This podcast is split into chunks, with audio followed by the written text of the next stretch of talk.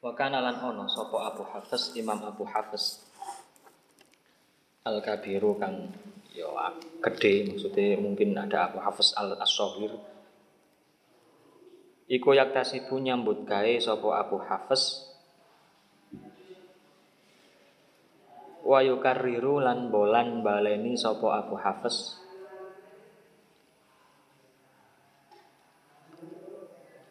al uluma ing biro-biro ilmu. Fa ing kana mongko lamun ana apa kelakuan iku la buddha mesti ora kena ora li talibil ilmi kedue wong kang golek ilmu apa minal kasbi nyambut gawe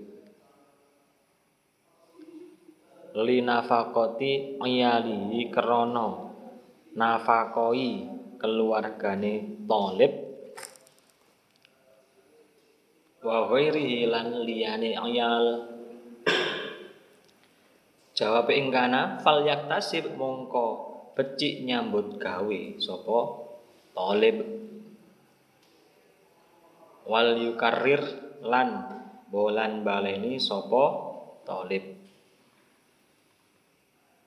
wala ora males sapa talib.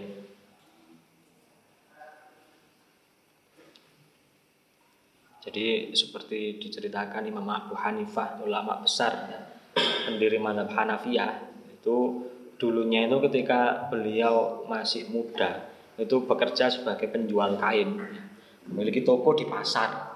Tapi dodolan Imam Abu Hanifah gak podo ambek dodolan wong saiki. Wong saiki lek dodol di pasar akeh-akeh gosip, akeh-akeh ngobrol bal-balan, ngobrol apa dangdutan dan lain sebagainya. Lah Imam Abu Hanifah dulu walaupun kerja di pasar, umpamanya gak ono pelanggan, gak ono sing tuku, itu menggunakan waktunya untuk mutolaah kitab. Lah ono koncone sing padha-padha seneng diskusi, dijak diskusi Imam Abu Hanifah itu. Sehingga beliau menjadi seorang yang matang ilmu ya terutama ilmu fikihnya. Dari situlah itu dapat disimpulkan ya bahwasanya eh, tolabul ilmi dengan bekerja itu tidak uh, maks maksudnya tidak bisa dipisahkan alias bisa berkumpul dalam satu waktu dalam satu tempat. Tidak ada alasan orang yang bekerja untuk tidak mencari ilmu. Sebaliknya, kalau misalkan butuh butuh uang, misalnya toko oma gak dikirim, ketika mencari ilmu pun tidak ada alasan untuk tidak bisa bekerja. Waktu waktu yang diberikan Allah pada manusia itu kan sehari 24 jam. Mungkin 24 jam terus golek ilmu zaman diskusi tok ya ya lambene malah kesel ya. Diskusi tok utawa mutolaah kitab tok boyoke malah kakar-karuan rasane lek meneng tok. Jadi dipergunakan waktunya untuk bekerja ya mencari ilmu. Terus di sini juga ada cerita bahwasanya Imam Abu Hafiz Al-Kabir itu di saat beliau bekerja itu juga menyelingi pekerjaannya dengan mengulang-ulang ilmu yang sudah dipelajari oleh beliau. Jadi ini contoh-contoh yang membuktikan bahwasanya tidak ada alasan bagi seorang yang bekerja untuk tidak mau mencari ilmu. Umpamanya lek wis kadung nyambut gawe nang pasar kadung laris, yo gak apa-apa laris. Tapi eh, tidak sampai meninggalkan mencari ilmu.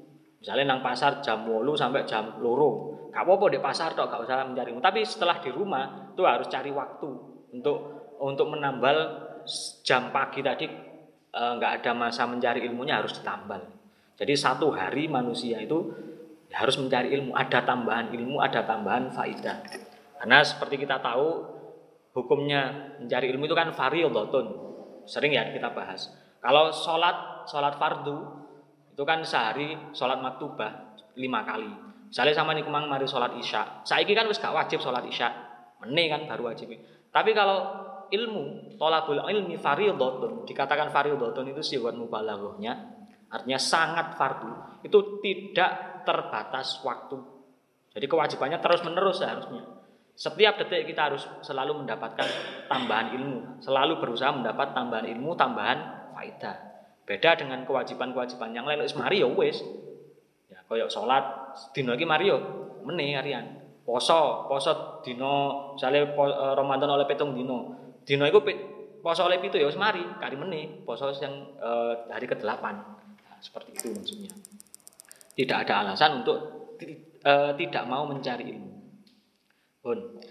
Fa'in kana la budali talibil ilmi melal tasbih. Kalau ini kejadiannya atau kasusnya, seorang santri itu sudah wajib untuk bekerja karena dia memiliki anak, memiliki keluarga yang wajib dinafkahi atau memiliki orang tua yang sepuh wis gak gak iso nyambut gawe. Itu kan kudu dinafkahi. Maka dia akan berkewajiban bekerja. Nah, ketika ada kewajiban baru yaitu kewajiban bekerja itu tidak lantas menghilangkan kewajiban mencari ilmu. Tetap dia harus mencari ilmu. Fal yaktasib wal yukarrir. Dia harus mencari ilmu dan juga harus mengulang pelajaran yang sudah dilewat atau menambah pelajaran-pelajaran yang baru. Oleh sulat dan dia tidak boleh malas. Karena memang ujian terberat yaitu ketika orang sudah bekerja dan sukses itu biasanya semakin sukses seseorang dia semakin mengejar. Aku saiki untung sak ini iso meneh untung lebih gede itu sudah watak dasar manusia. Sulit dirubah. Maka dari itu kalau memang sudah sangat sibuk ya harus bisa membagi waktu. Ya, tidak boleh malas nyambut ini sergap tapi golek ini malas itu sing gak imbang. Ini dikatakan walaisalan ora ono. Iku li sahihil badani keduwe wong kang sehat badane waras awake. Wal akli lan akali apa udrun alasan fitar kita ta'allumi ing dalam tinggal belajar. Wa lan ngaji fikih. Fa innahu mongko sak temene talib iku layakunu ora ana sapa talib. Iku afkara kang luwih fakir. Iku afkara kang luwih fakir min Abi Yusufa ketimbang Abi Yusuf. Walam yamna'hu lan ora nyegah ing Abi Yusuf. Apa dalika menggono-menggono fakir. Afkoru memang. Nah ini jadi dipungkasi dengan kesimpulan walai sali sohil badan. Tidak ada sesuatu apa pun bagi orang yang maksudnya yang ini tidak ada alasan yang tepat, tidak ada alasan yang sah, tidak ada alasan yang resmi, legal bagi orang yang badannya sehat, akalnya sehat untuk meninggalkan belajar. Jadi selagi hayat di kandung badan, saat, turunnya sama loro-loroan, terus walaupun sudah sakit itu pun sekal, sekalipun harus masih tetap berkewajiban mencari ilmu. Jadi selagi orang itu memiliki nyawa, ruh masih bertengger di tubuhnya itu dia wajib mencari ilmu. Ya. Kecuali kalau dia sudah gila, kecuali kalau dia badannya sudah gak mampu apa-apa kecuali hanya tidur ya wis. Cari ilmunya ya dengan tidur, Bu. Moco, Bu. Bu nekakno guru dan lain sebagainya itu masih tetap wajib. Tapi kalau orang sudah hilang akalnya berarti ya ya apa tinggal ilmu kan tuh akal. Kate cukup banyak kan oh ada yo ya kan ilmu itu kan tempatnya di akal kemudian kalau sudah dipraktekkan secara rutin secara ikhlas itu tempatnya di hati tempat pertama ilmu itu kita memahaminya kan di akal ya Fa innahu la afqaru min Abi Yusuf. Kenapa kok dikatakan seperti tadi itu? Bahwa masih wajib dalam kondisi bagaimanapun untuk mencari ilmu. Karena e, diketahui, harus diketahui oleh, oleh kita mencari ilmu. Tidak ada seorang yang lebih fakir dibandingkan Abi Yusuf. Nabi Yusuf ini sangat fakir. Dulu pernah diceritakan kalau nggak atau apa belum ya? Abu Yusuf itu pernah mencari makan ya sampai kelaparan sampai beliau itu memakan kulit semangka. Sudah pernah? Belum ya. Abu Yusuf itu ulama yang sangat terkenal tapi ketika beliau kelaparan dia beliau e, menolak untuk meminta-minta. Ajane njaluk nang raja iso mendapatkan harta kekayaan yang banyak. Tapi beliau memiliki sifat zuhud. Daripada saya merepotkan orang lain, lebih baik saya mencari makanan yang halal. Oleh panganan alun-alun, akhirnya nemu kulitnya semongko. Kulitnya yang putih-putih di dahar ambil Yusuf. Itu saking fakirnya beliau. Tapi kondisi yang demikian itu tidak sampai mencegah beliau dari belajar, dari ngaji fikih. Jadi kondisi semelarat apa pun, separah apa pun tidak boleh sampai membuat kita lengah, membuat kita tercegah dari mencari ilmu. Pun. Faman mongko utawi sapane wong iku kana ana iku lahu keduwe man apa malun bondo kathirun kang akeh Fani'ma mongko iku sak bagus-baguse apa almalu? Bondo. As-solihu kang bagus. Lirrajuli kedue wong lanang. As-solihi kang solih kang bagus pisan. Ya, ini kalau orang memiliki harta yang banyak, maka harta yang terbaik itu harta milik siapa sebenarnya.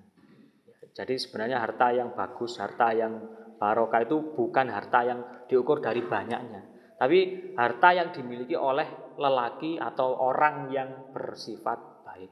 Dia mampu mendayagunakan harta bendanya untuk kepentingan sosial, untuk kepentingan ilmu. Itulah baru disebut al-malu as Jadi bukan al-malu al-kafir, uh, harta yang disebut harta yang baik harta yang barokah. Tapi harta yang dimiliki oleh orang yang baik pula, yang bisa menggunakan harta itu untuk kepentingan akhirat, untuk sesuatu yang bermanfaat bagi orang lain. Wakilalan dan ucapaken di alimin maring wong alim ditanyakan pada seorang alim. Bima kelawan opo adrokta nemu panjenengan al ilma ing ilmu Kola jawab sopo alim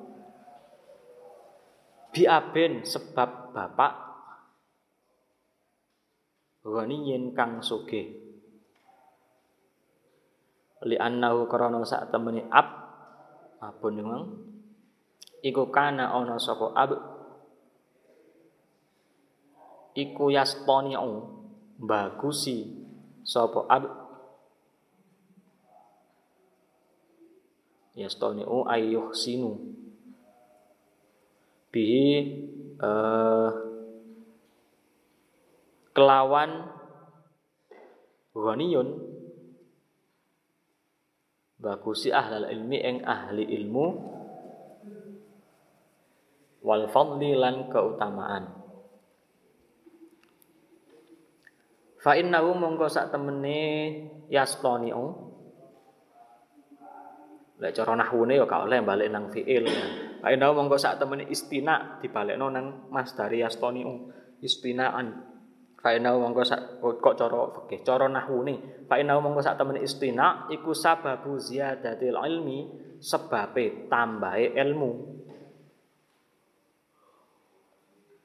li annahu krana sak temene istina utawa yastoni'u iku syukrun syukur ala nikmatil akli ing atase nikmat akal wal ilmi lan ilmu wa inna lan sak temene syukur iku sababuz ziyadati sebabe tambah satu ketika ada seorang alim yang ditanyakan, panjenengan bisa sealim itu itu rahasianya apa? Dijawab oleh beliau. Biapin. Saya rahasia saya saya memiliki orang tua atau ayah yang kaya raya.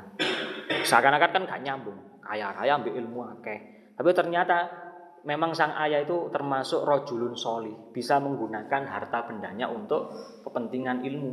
Ya dengan hartanya yang banyak tadi sang ayah eh, menghormati atau me, memuliakan ahli ilmu dan ahli keutamaannya dengan misalkan sering nyangoni, sering memberikan kebutuhannya. Jadi dengan cara seperti itu anak yang mondok malah jadi pinter, jadi cepet alim ilmu nih barokah. Nah itu kan ini sebab-sebab yang mungkin jarang kita sentuh. Artinya awake dhewe sebab iso dadi wong alim ilmu nih manfaat sinau terus ibadah dan lain sebagainya. Lah hal yang seperti ini di taklim juga dibahas. Jadi banyak aspek yang bisa e, mengantarkan kita untuk bisa mendapatkan ilmu yang manfaat. Lah lek koyo ngene berarti sampean kate protes. Misale, Pak sama gak dadi wong sugih ae. Protes ngono. Ya gak usah. Lek sampean ben dadi wong sugih. Kan sing amin sih rek. Didongakno sugih kok gak amin. Lek umpama dadi wong sugih, ya men eling-eling dalil iki. Ya. Duwe anak sing mondok sampean sugih, duwe aja digawe bisnis tok ae. Wis rezeki wis ana sing ngatur, sing penting sampean wis nyambut gawe. Wis masalah pengembangan bisnis itu bisa berjalan. Yang penting yang penting ya ini uh, ingat anak kita sedang ada di pondok. Kalau ada uang rezeki yang ter, uh, dikira apa diduga masih syubhat, lek iso ojo dikeno anake sing mondok, digawe bopo sing subhat. Subhat itu kan belum jelas halal harame misalnya. Ya, jadi yang dibuat kiriman ke anaknya itu nanti yang betul-betul halal, apalagi anak yang mondok ya, untuk dimakan, untuk beli kitab lek subhat apa maneh haram ya apa dadine ilmu niku. Nah, itu dari segi ikhtiar e, ngirim anak ini. Nah, kalau sudah ngirim dengan harta yang halal, kalau bisa di rumah ya cok meneng tok, didongakno sembahyang tahajud dan lain sebagainya. Dan ini kalau bisa juga dipraktekkan sama nono tonggone sing ulama, misalnya sering sing sering sowan, Ya sowan ya ora mek nggo wawak tok. Ya. Wong sugih kok gak nggo wawak tok ya ya lucu ah ya. Ya nggawa oh sing remenane kiai misale. Lek kiai remen bentul ya sama itu kono bentul. Kiai remen klengkeng itu kono klengkeng. Pokoknya kebutuhannya dicukupi. Lek iso ya ngamplopi pisan itu itu hal-hal yang seakan-akan sepele tapi hal yang bisa apa yang menjadi sebab sebab sebab yang rahasia dari Allah. Lek ngekekno ikhlas terus wong iku mang ndongakno anake barang, anake yo kok dilalah mempeng pisan yo gak suwe anake iku kok insyaallah dadi uh, alim ilmunya manfaat. Ngono iki lek mbelek sampean sugih yo yo dipraktekno. Muga-muga muga-muga sugih kabeh. Rajulun as-solih ya. Rajulun as-solih yang kaya yang bisa mempergunakan hartanya untuk kepentingan ilmu, untuk hal yang bermanfaat. Kila dan ucapakan. Kala wis dawuh sapa Abu Hanifah, Imam Abu Hanifah. Innama adraktu angin pestine nemu utawa memperoleh sapa ingsun al ilma ing ilmu. Bilhamdulillahi ta'ala kelawan lafat Alhamdulillahi ta'ala. Wa syukri lan syukur. Fakullama fahimtu mongko ing dalam sak kapan-kapan paham sapa ingsun wa wufiqtu lan den tulungi sapa ingsun. Ala fiqhin ing atase mahami fikih. Wa hikmatin dan ilmu hikmah.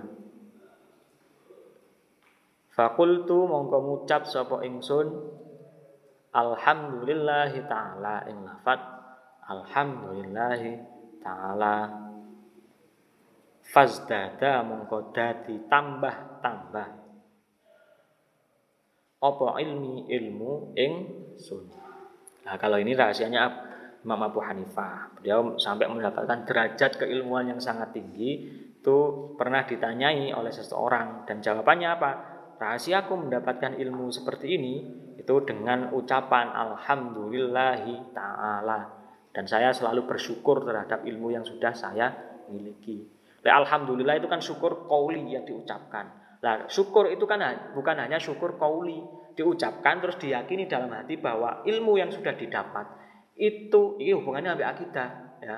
Hubungannya ambil tauhid sampean. Lek sampean misalkan memahami sebuah materi tapi menganggap materi yang sampean pahami itu adalah hasil kerja keras hasil dari uh, upaya saya yang lebih rajin dibandingkan teman yang lain maka itu bukan syukur ya malah justru itu lek lek dikatakan syirik ya syirik khafi. Karena itu syirik yang tersamar, menyekutukan Allah, menganggap itu bukan andil dari Allah tapi andil dari diri sendiri. Ya padha ambek ceritane koron itu loh. Sampai dihukum seperti itu oleh Allah karena menganggap harta kekayaan yang dia miliki itu hasil jerih payahnya dia sendiri. Makanya ini diajarkan oleh Imam Abu Hanifah, saman paham ilmu sing model kaya apa wae.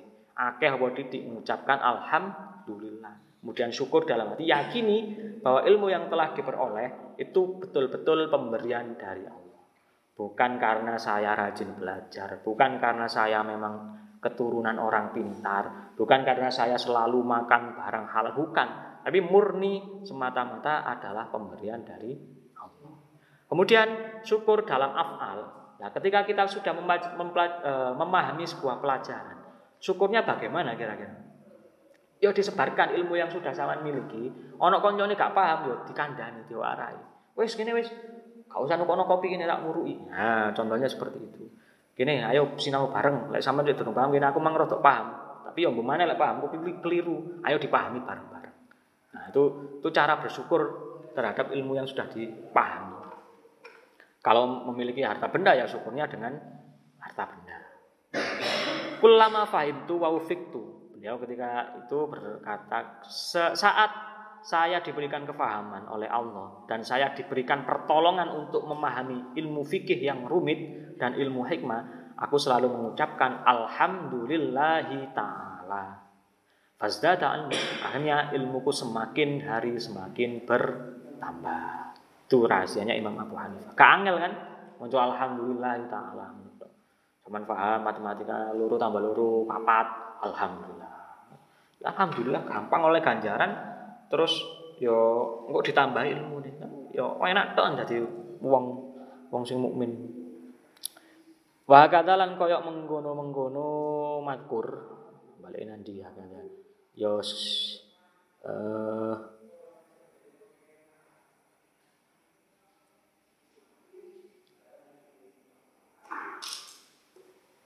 koyok menggono-menggono perkara sing prayogi yang bagi yang bagi sayuk joli tolibil ilmi kedhe wong kang golek ilmu. Apa ayyastaghila yen to ketungkul sapa talib? Bisyukri kelawan syukur. Bilisani kelawan lisan. Ini menjelaskan syukur ya. Cerita Imam Abu Hanifah tadi. Wal jinani lan piro-piro ati wal arkani lan piro-piro anggota tubuh anggota awak. Wal malilan bondo. Wayaro lan ngiyakini sapa talib?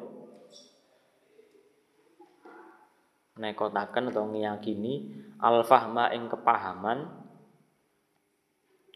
Wal ilma lan ilmu wat taufiqa lan pitulung. Minallahi ing saking Allah taala. Wayat lubalan yen to murih to nyuprih sapa talib. Al hidayata ing hidayah. Minallahi taala. Bidu'ai kelawan donga lahu maring Gusti Allah wa tadarru'i lan DP-DP. DP-DP merasa rendah di hadapan Allah. Ilaihi maring Gusti Allah. Fa innallaha mongko sak temeni Allah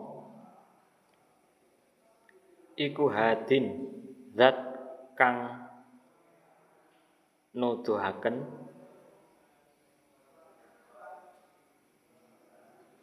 man ing wong istahdahu kang amrih pituduh sapa man ing Allah.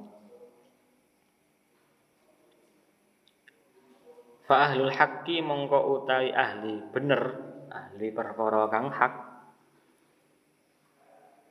Wahum yo ya ahlul haq iku ahlus sunnati wal jamaah. Ahlus sunnah wal jamaah. Iku talabu nyuprih sapa ahlus sunnah atau ahlul hak al haqqa ing perkara kang bener. Minallahi sangking Allah taala. Al haqqi kang moho bener. Al hadi kang nuduhaken al mubini kang mertelaaken al asimi kang reksa akhire fahadahum mongko aweh pituduh sapa Allah ing ahlul hak ahlu sunnah ya. Ngene ngene faile kefailan. Fahadahu mongko aweh pituduh ing ahlul hak atau ahlu sunnah sapa Allah taala Allah taala. Wa as wa asamahum lan ngreksa sapa Allah ing ahlul hak anil dolalati sangking kesasar. Dene wa ahlud dolalati utawi ahli sasar. Iku ajabu takjub utawa gawok sapa ahlud dolalah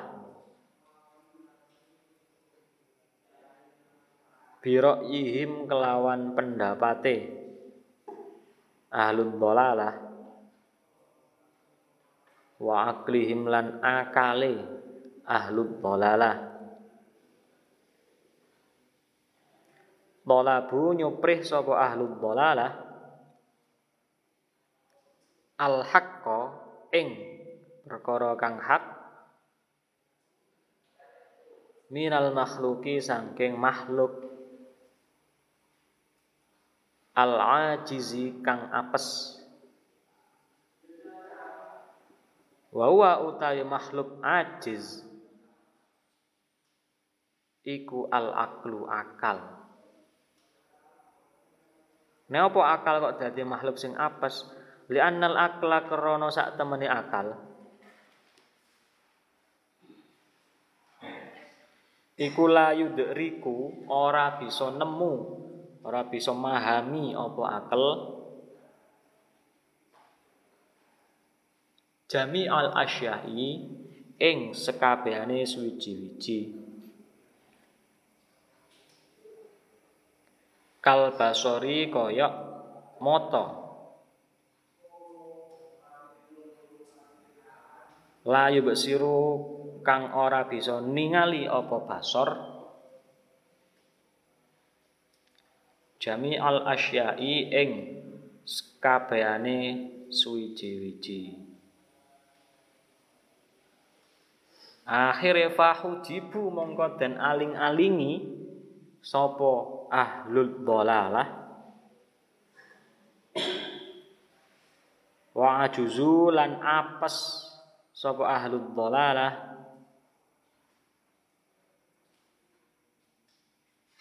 wa dhallu lan kesasar sapa ahlul dhalalah wa adallu lan nyasaraken sapa ahlul dhalalah naudzubillah min dzalik ini jadi uh, berikutnya yang harus dilakukan oleh pencari ilmu adalah istighol bisyukri menyibukkan dirinya dengan syukur syukur syukur kepada Allah. Dengan ya yang seperti saya bahas tadi dengan lisannya. Syukur dengan lisan ya mengucapkan alhamdulillah taala. Kemudian syukur dengan hati filjinan ya tadi meyakini segala pemberian Allah itu memang murni betul-betul kebaikan dari Allah pemberian anugerah dari Allah tidak menganggap ilmu yang telah dimiliki adalah hasil jerih payah kekayaan yang dia miliki adalah hasil kerja kerasnya ketampanan yang dia miliki karena dia rajin mandi misalkan. Terus gimana? Kekuatan yang dia miliki karena dia rajin olahraga. Itu kalau sudah menganggap hal-hal yang didapatkan hal positif ya, yang didapatkan manusia adalah hasil jeripayanya sendiri, berarti dalam hatinya itu sedang sakit. Hatinya itu sakit karena keimanannya itu luntur ketika dia meyakini seperti itu. Ya, jadi kalau syukur di dalam hati ya semuanya diyakini alhamdulillah mengucapkan alhamdulillah jero hati gak apa-apa kemudian yakinilah semuanya adalah pemberian karena kebaikan karena rahmat dari Allah. Padha ambek wong ibadah. Ibadah kok nganggep walaupun dia rajin beribadah sampai misalnya sedino ngapal eh, apa maca Quran sedino hatam atau bengi sembahyang tahajud sembahyang qiyamul lail mulai jam rolas sampai subuh misalnya subuh jadi terus no subuh sampai uh, itikam yang masjid sampai duha tapi dalam hatinya menganggap saya beribadah seperti ini karena saya memang spesial karena saya lebih istimewa dari teman-teman saya. Karena saya lebih rajin, lebih karena ambuni ibadahnya. Karena efeknya. Sama seperti uh, jadi ceritanya kalau ibadah yang diterima oleh Allah itu langsung disambut oleh Allah, diterima. Sama sembahyang ikhlas malam masih sampai di ikhlas diterima, disambut, sama langsung dicatat diberikan pahala. Tapi kalau ibadah saman walaupun sebanyak apa pun yang saman lakukan, tapi ya itu tadi menganggap ibadahnya hasil kerja keras, hasil jerih payah. Yo lek di no podo ambek saman no gombal.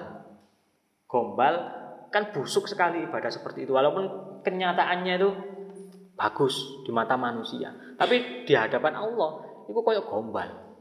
Ambune gak enak. Yo dibalekno ta ambek sampean, nang sampean sing duwe. Doncang lemane mutus malaikat doncang nang sampean. Sampean saking gak krasa. Ya. Jadi seperti itu ibarat gombal sama ngirimno hadiah ya jadi kewajiban kita kan ibadah. Gusti Allah nggak meminta uh, ya sampai memerintahkan nggak sampai membutuhkan ibadah kita. Allah cuma memerintahkan pada jin dan manusia untuk beribadah. Tapi Allah tidak butuh. Ya, kalau kita su sudah meyakini diri kita sebagai hamba, ibadah ya koyo ngono yo. Ngekei perkara sing amoh, gombal amoh dikekno nang Gusti Allah. Sopan santunnya mana? Nah kan seperti itu no orang sampean. Lek lek sampean ngirimno gombal. Wong dikai kado sing gak seneng kadang gak digawe kok ke mana ngadu gombal. Pisu ta. Golek sapa yang ngadunya. Lagi Gusti Allah sampean kei gombal kaya ngono. Gombal amoh. Gak ono kanggone.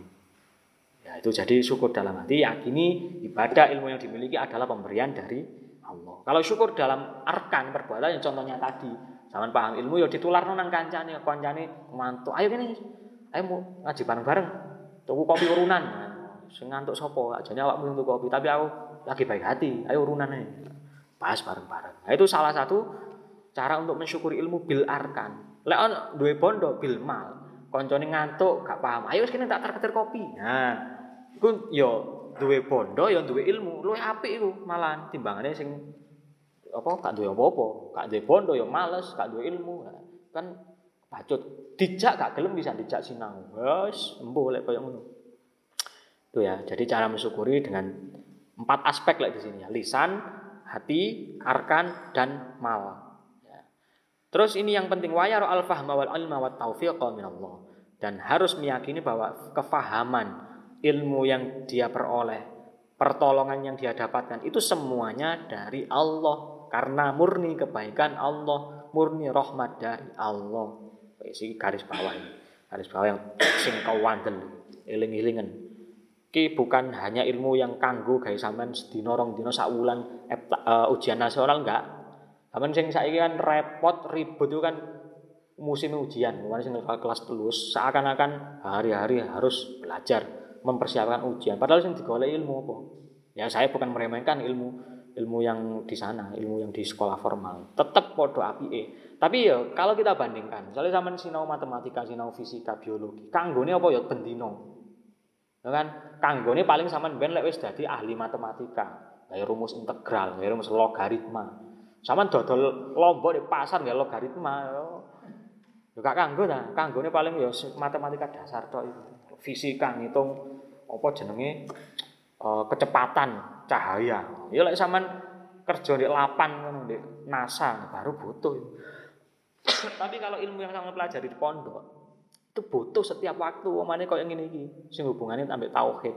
24 jam sehari kali 7 dalam seminggu kanggo terus. Sama turu loh. Anggite gak butuh lah ilmu. Masih tetap butuh ilmu. Kalau yang uh, ilmu yang namanya ilmu hal ya, yang dulu sudah kita pelajari. Makanya jangan sampai berbuat tidak adil. Sama lebih mementingkan pelajaran formal, pelajaran sing di pondok keteteran.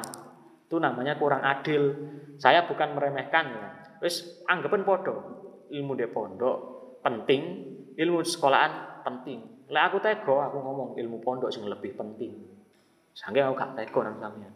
Kali rata-rata ya memang uh, yang di sekolah formal itu juga penting. Tapi yang di pondok jangan sampai dilupakan. Wes ikut doain. Jangan sampai uh, menganggap oh, sopo di pondok pokok sinau belajar tahu tahu ngaji menurut jangan. Karena yang saya seperti yang di garis bawah ini barusan kita bahas itu kanggo umur urip itu. Sama menganggap ilmu yang dimiliki, ibadah yang dilakukan, kekayaan itu kaitannya dengan tauhid ya.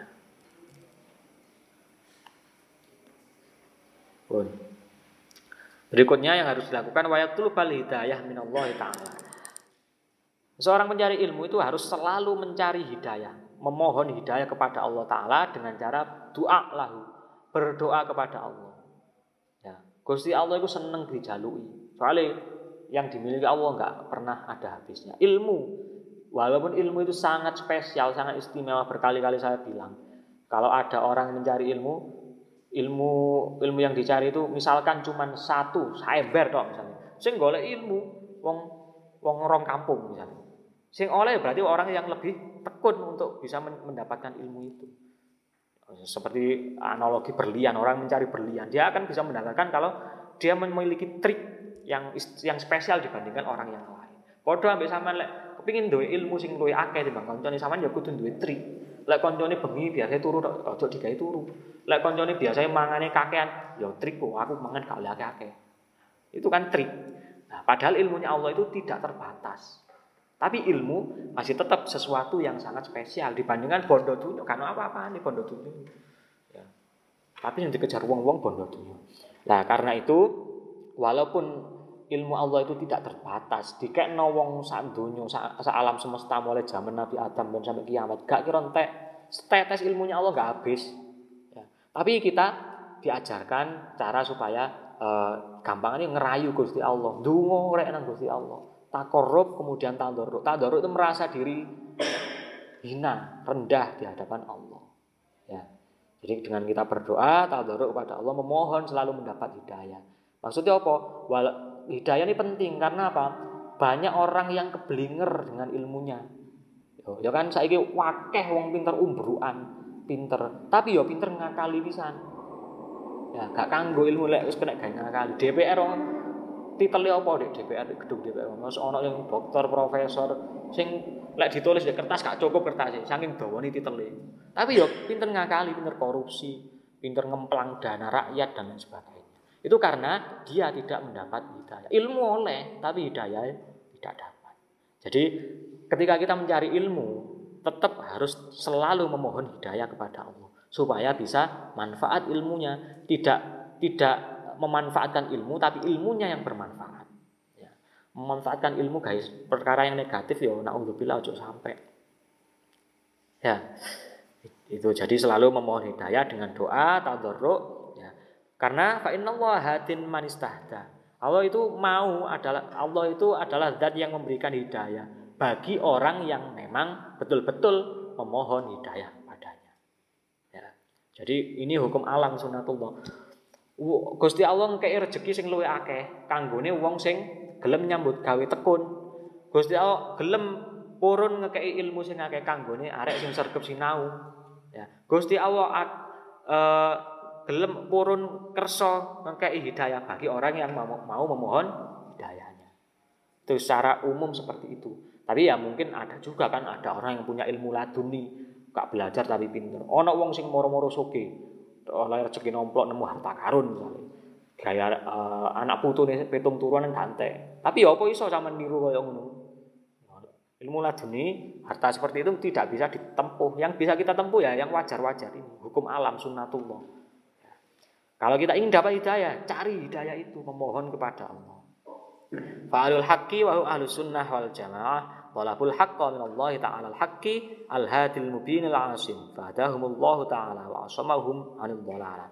Nah, tadi e, dikatakan bahwa kita harus mencari hidayah dengan berdoa dan tadarruk. Maka orang yang mau mencari hidayah itu disebut ahlul haq, memohon hidayah ahlul haq. Mereka inilah golongan ahlus sunnah wal jamaah.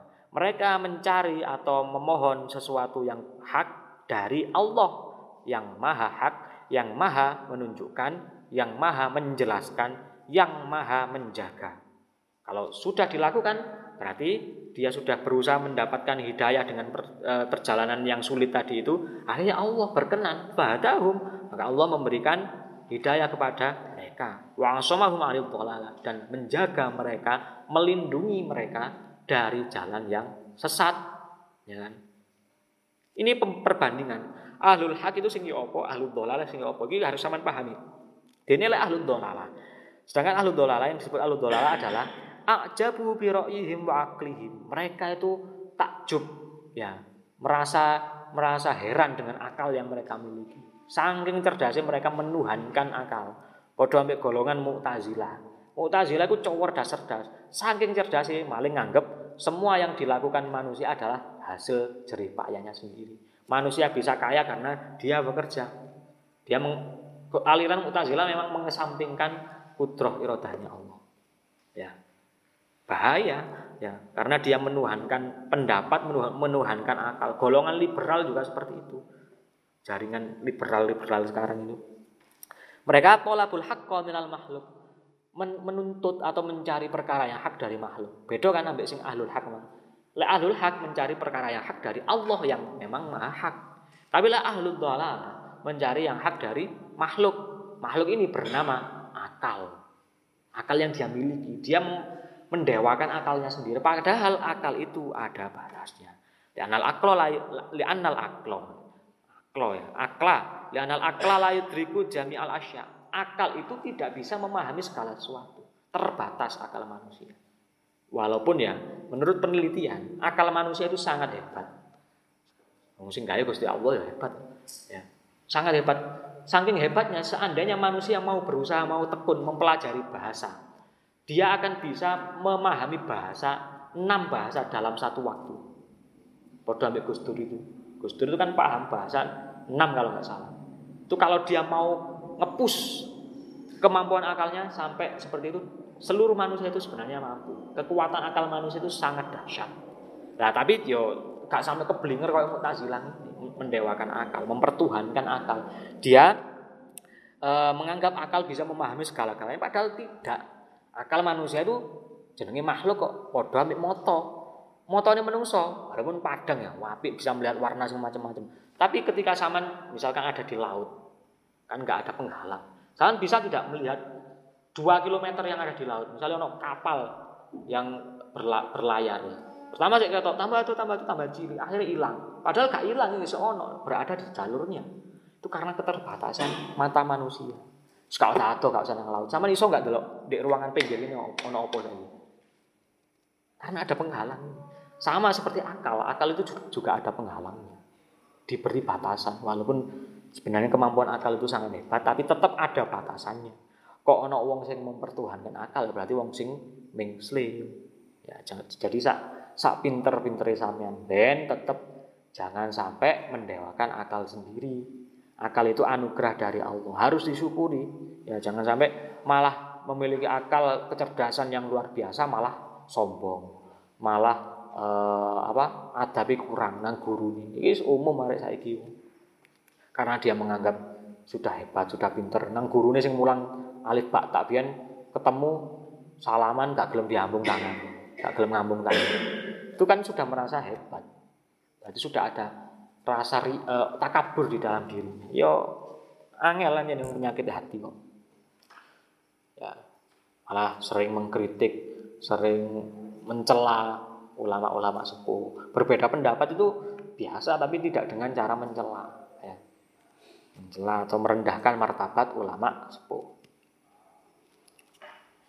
Karena dia mendewakan akal, akhirnya fahujibu wa ajuzu wa wa. Kalau dia sudah mempertuhankan akal, maka Allah menghijab dirinya. Menghijab itu memberikan penghalang yang sangat tebal bagi dirinya. Jadi akal yang dia miliki tidak akan bisa memahami hikmah. Tidak akan bisa mengambil faidah dari kejadian-kejadian yang ada di dunia ini. Yang dia paham ya iso nambah ilmu. Kalau dia baca kan nambah ilmu nih. Tapi dia nggak bisa mengambil hikmah.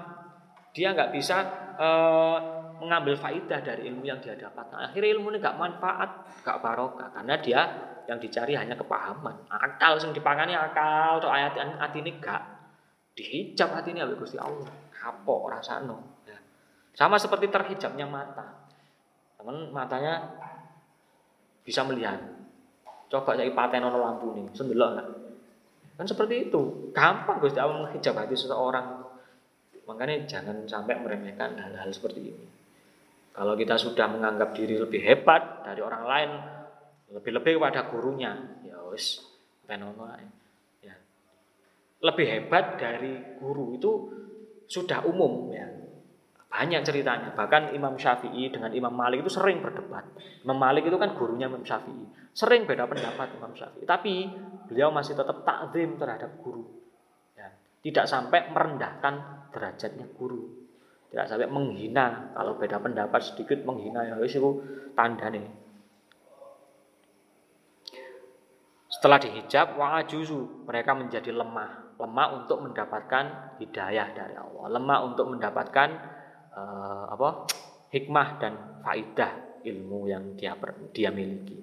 Wa wadallu dan dia tersesat. Lama kelamaan dia akan tersesat dengan ilmunya. Contohnya sudah banyak, yaitu orang-orang yang Ya kaya mang lho. Duwe ilmu pinter tapi kanggo ngakali, itu kan tersesat. Nah, itu contoh yang tersesat dulu. Lek wa dulu, ini kan mutaati, menyesatkan orang lain. Contohnya ono uh, mubalik sing ngomongnya karu-karuan, ya ngerusak, ngerusak akhlak malah malah kayak ngapusi. Itu kan dengan ilmunya seharusnya dia bisa memberikan petunjuk pada orang lain. Tapi ini tidak, karena dia ahli tolala ya maka menyesatkan. Dia sendiri sesat, orang lain yang mengikuti mengikuti dirinya juga tersesat. Walu bilang jangan sampai kita uh, terjerumus ke dalam ahli dolal. Jadi dibandingkan kalau ahli sunnah tadi mencari hak pada Allah, memohon al-haq, memohon atau uh, meminta sesuatu yang hak ya kepada yang berhak yaitu Allah. Kalau ahli dolalah mencari perkara yang hak dengan akalnya, mengandalkan akalnya sendiri. Atau akal orang-orang yang ada di sekitarnya dengan berdiskusi. Tapi dia sama sekali tidak mengindahkan putroh dan irodahnya. Ada pertanyaan?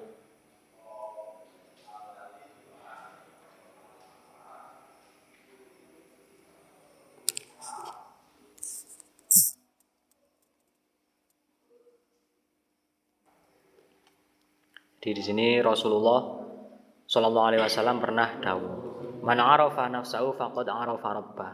Siapa orang yang mengenal dirinya maka sesungguhnya dia mengenal Tuhannya. Faida arafa ajza nafsah jika dia mengetahui kekurangan atau kelemahan dirinya, maka dia akan tahu kekuasaan Allah Ta'ala. Akhirnya, walayatami itu ala nafsi, dia tidak akan berpegang atau mengandalkan, membanggakan dirinya sendiri dan akalnya. Tetapi ya tawakal Allah, dia akan bertawakal kepada Allah dan mencari atau memohon al-haq kepada Allah. Ya. Karena dia sadar kekurangan dirinya. Ya, ini perlu dipahami betul ini hadis yang sangat populer ben sama kuliah pendidikan sing dibahas hadis ini. Wa may Allah, jika orang itu sudah bertawakal kepada Allah, maka fahuwa hasbu. Allah lah zat yang akan mencukupi dirinya mencukupi segala kebutuhannya. Lek tawakali nang akal, ya oh, akal iso apa padha-padha makhluke kok. Ya, tidak bisa apa-apa. Wayahdi dan Allah akan menunjukkan dia ke jalan yang lurus, ya, tidak tersesat akhirnya. Waman utawi sapane wong iku kana ana iku lahu kedue man apa malun bondo Fala ya bakhalu mongko ora kena bakhil sapa man. Oh, kok gak nyambung kok ini. Wis titik. Jadi kalau orang memiliki harta benda maka seharusnya dia tidak boleh bakhil. Wayam bakhilan sayuk jo apa ayata awadha yen to nyuwun kebawreksa, nyuwun perlindungan sapa man billahi taala minal bukhli saking medit Qala dawuh sinten an-nabiyyu alaihi salatu wassalam? Ayyudain utawi endi-endine penyakit. Iku adwa'u kang luweh ngelarani. Minal bukhli tinimbang saking bakhil. Penyakit apa yang lebih berat, yang lebih kronis dibandingkan bakhil? Rasulullah bertanya itu istifham takriri ya, pertanyaan yang jawabannya sudah diketahui. Ya. Intinya Nabi Muhammad bertanya seperti itu untuk menandaskan bahwa tidak ada penyakit yang lebih berbahaya dibandingkan bakhil. Wa kana lan ono sapa Abu Syaikhi al Imamu al Ajali Syamsul A'immati al Halwani Imam Halwani iku fakiron kang fakir Iku ya oh, sik sik sik. Ya biu adol sinten Syekh Halwani. Al halwa ing manisan. Manisan. Bahkan lan ana sapa Syekh Halwani iku yukti paring sapa Syekh Halwani al fuqaha ing ahli fikih minal halwa'a sangking manisan wa yaqulu lan ucap sapa syahalwani ud'u kula aturin ndongaaken panjenengan di sihotnya amr tapi makna Jawa ning ngono kula aturin ndonga panjenengan kan nyuwun donga nang yai lek lek bahasa dongakno anakku. Lah itu kan gak pantes. Kula aturi ndongak, kula aturi ndonga panjenengan li ibni maring putra ingsun. Fabi barokati judihi mongko kelawan sebab barokai lomane Syekh Halwani. Wa i'tiqadi lan i'tiqati Syekh wa syafaqatihi lan welase Syekh Alwani. Wa tadarruhi lan DP-DP-ne Syekh Alwani.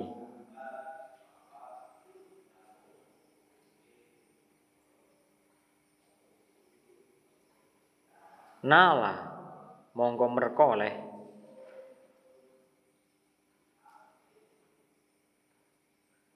ma sapa ibnuhu putrane Syekh Halwani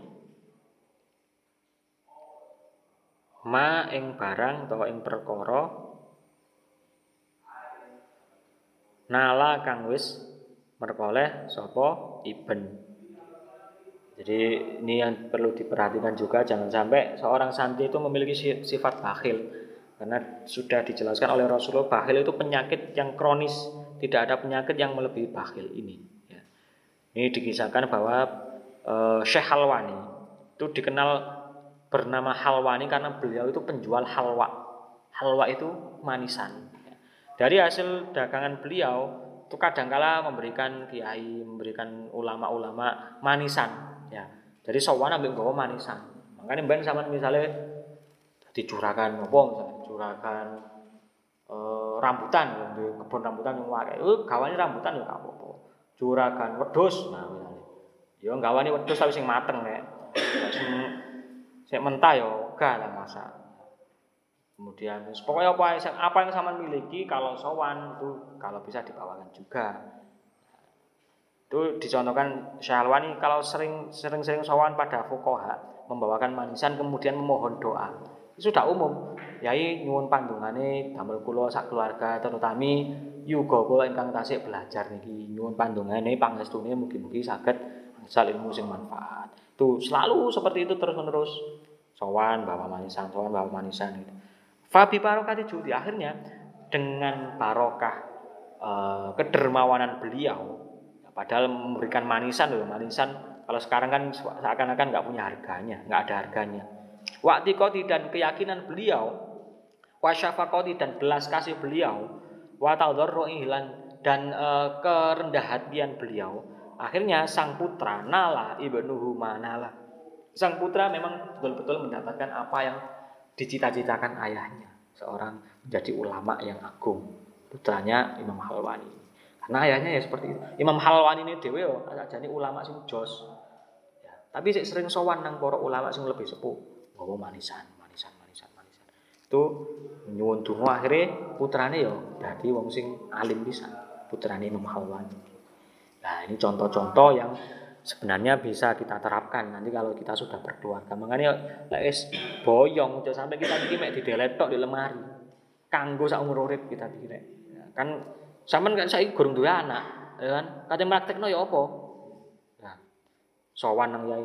Yai kula nyuwun dongaken calon anak kula ben. Durung duwe anak kok dongakno saiki.